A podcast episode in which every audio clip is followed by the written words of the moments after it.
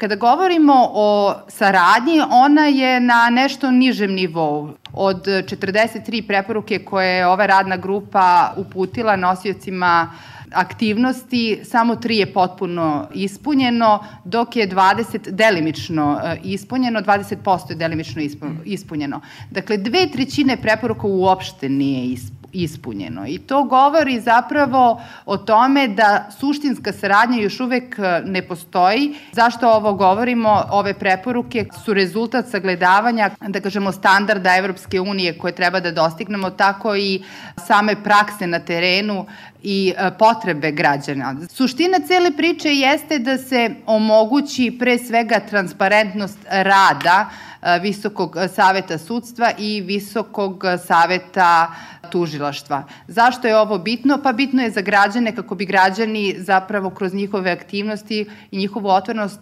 povratilo poverenje u pravosuđe, a s druge strane se omogućila i kontrola određenih procesa. Dakle, u ovom nekom prethodnom periodu upravo kroz to što je ispunjena jedna od preporuka transparentnosti Visokog saveta tužilaštva, mi smo mogli da uočimo i određene nezakonitosti u njihovom postupanju, pa i jedna od preporuka koja ide ka Visokom savetu tužilaštva jeste da se e, zapravo nezakonit e, izbor javnih tužilaca i glavnih javnih tužilaca zapravo ponovi. Naravno, ovo pretpostavlja i, e, da kažemo, razmatranje od strane Ustavnog suda svih onih žalbi žalbi koji su javni tužioci podneli u prethodnom periodu. Što se tiče novih preporuka, čak jedna trećina od 30 preporuka koje je ova radna grupa uputila nosiocima aktivnosti odnosi se upravo na pravosudni sistem. Ona se odnosi e, na zahteve transparentnosti rada e, pravosudnih saveta, ali takođe e, odnosi se i na Narodnu skupštinu u smislu zahteva da se prestane sa e, političkim uticajem na nosioce pravosudnih funkcija. S druge strane, u ogledalu zahteva se od e, novoformiranih tela, dakle pravosudnih saveta, da mehanizme koji služe za odbranu sudstva od ovakvih uticaja podignu na e, mnogo viši nivo i ne samo da ih koriste svakodnevno, nego i da građanima koji svakako treba da posmatraju posmatraju i ovu odbranu učini vidljivim ove mehanizme. Pored toga, traži se zapravo da i Visoki savet sudstva otvori e, sednice kao što je to učinio i Visoki savet tužilaštva, dakle traži se mogućnost e, direktnog uvida u sednice kroz live stream. To svakako e, izgleda kao visoki standard, međutim, s obzirom da postoji zahtev da se pravna kultura u Srbiji podigne i to je negde konstatovano strane Venecijanske komisije, ovakav zahtev čini se i tekako svrsishodnim s obzirom na cilj reforme pravosuđa u Srbiji. Bavili smo se i kapacitetima pravosuđa i tražili smo eh, od, pre svega, od Ministarstva pravde da se eh, status sudijskih pomoćnika na kojima zapravo leži buduća aktivnost pravosuđa na neki način eh, poboljša. Oni danas imaju status državnih službenika i neophodno je promeniti njihov položaj ne samo u smislu statusa, nego i u smislu njihovog materijalnog položaja. Ja ja moram da, da, da naglasim da današnji sudijski pomoćnici su vrlo često i u statusu volontera, što je potpuno neprimereno s obzirom na njihove odgovornosti u samom sistemu i neophodno je znači jačati pravosudni sistem i kroz um, ovako jačanje budućih kapaciteta koji bi trebalo da odlučuju o pravima e, i obavezama građana e, Srbije. Takođe, ono što e, smo uočili kao trend i što predstavlja zapravo i novu preporuku jeste pojava zloupotrebe prava i pojava masovnih tužbi. Uh, U Srbiji je, se sve više koriste masovne e, tužbe pre svega ne radi zaštite prava građana koje bi mogle da se rešavaju na drugi način, nego radi naplate, naplate e, troškova od strane advokata. U tom smislu je radna grupa za poglavlje 23 predložila da se e, pristupi izmeni zakona o parničnom postupku i da se u konsultacijama sa nadležnim advokatskim komorama zapravo i nađe jedno jedno adekvatno rešenje koje bi zadovoljilo sve strane, ali koje svakako ne bi e, išle na uštrb i budžeta Republike Srbije i pre svega zapravo te efektivne e, sudske vlasti i ostvarivanja ove pravosudne funkcije koja je jako bitna za naše građane. Naravno, kao i uvek,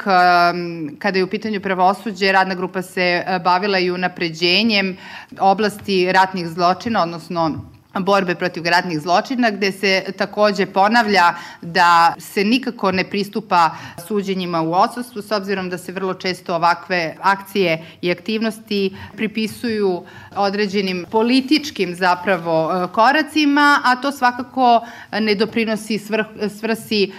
vođenja ovih postupaka. Postoji set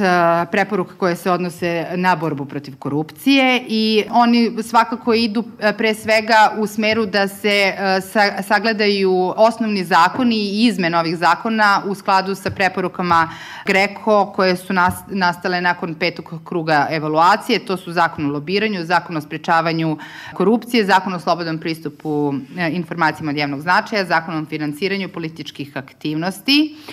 Ono što je takođe e, jako bitno jeste da se unaprede kapaciteti poverenika, e, s obzirom da e, sve više ima predmeta po žalbama građana i očito je da, da ova, ova institucija više ne može da, da odgovori i ne može da štiti e, efektivno slobodan pristup informacijama i zbog toga je neophodno e, podizati njihove kapacitete. Međutim, s druge strane se i samom povereniku upućuju određene preporuke da u stvari bolje postupa po žalbama koje građani podnose, dakle da se ne vraća prvostepenim organima ponovno odlučivanje, s obzirom da to s jedne strane e, nije ni zakonita e, praksa, takođe krivični zakonik u smeru e, efikasnije gonjenja dela iz oblasti korupcije zapravo treba revidirati. Takođe, kada su u pitanju osnovna prava, i dalje se traži da se institucija zaštitnika građana na neki način reformiše, odnosno da nacionalni preventni mehanizam dobije jednu vrstu autonomije. I dalje visi u vazduhu nacrt zakona o istopolnim zajednicama i zaista je, smo morali da tražimo da se ponovo ovaj nacrt zakona aktivira s obzirom da je on nastao u jednom dobrom ambijentu uz uključenje civilnog društva i zainteresovanih strana, tako da ovaj dokument smatramo relevantnim. Što se tiče prava deteta i dalje stojimo na stanovištu da treba da postoji jedan zakon i da se Savet za prava deteta mora aktivirati, naročito kada imamo ove, situaciju da evo i nakon šest meseci od tragičnog događaja ovaj savet se nije bavio i pravima deteta s obzirom na, na porast nasilja u Srbiji. Što se tiče sistema besplatne pravne pomoći, ono što je najneophodnije jeste da je neophodno uspostaviti pre svega finansijske uslove da, da, da ovaj zakon zaživi. On i dalje, da kažemo, boluje od nepreciznih, nejasnih odredbi koje zapravo onemogućuju rad oni koji pružaju besplatnu pravnu pomoć. I e, e, na kraju, ali ne i najmanje bitno, ono što, što tražimo i ovog puta jeste da se civilnom društvu koje je i zaslužno za ove preporuke omogući, da kažemo, kritički e, pristup i jedna sredina u kojoj ćemo moći da posmatramo, kritikujemo, predlažemo nosicima javnih vlasti kako bi se zapravo ostvarivao javni interes, a tražimo zapravo da se stane sa pritisima, pre svega u vidu slap tužbi. To su inače preporuke koje ponavljamo evo već godinu dana i nadamo se da će biti u narednom periodu ispunjene.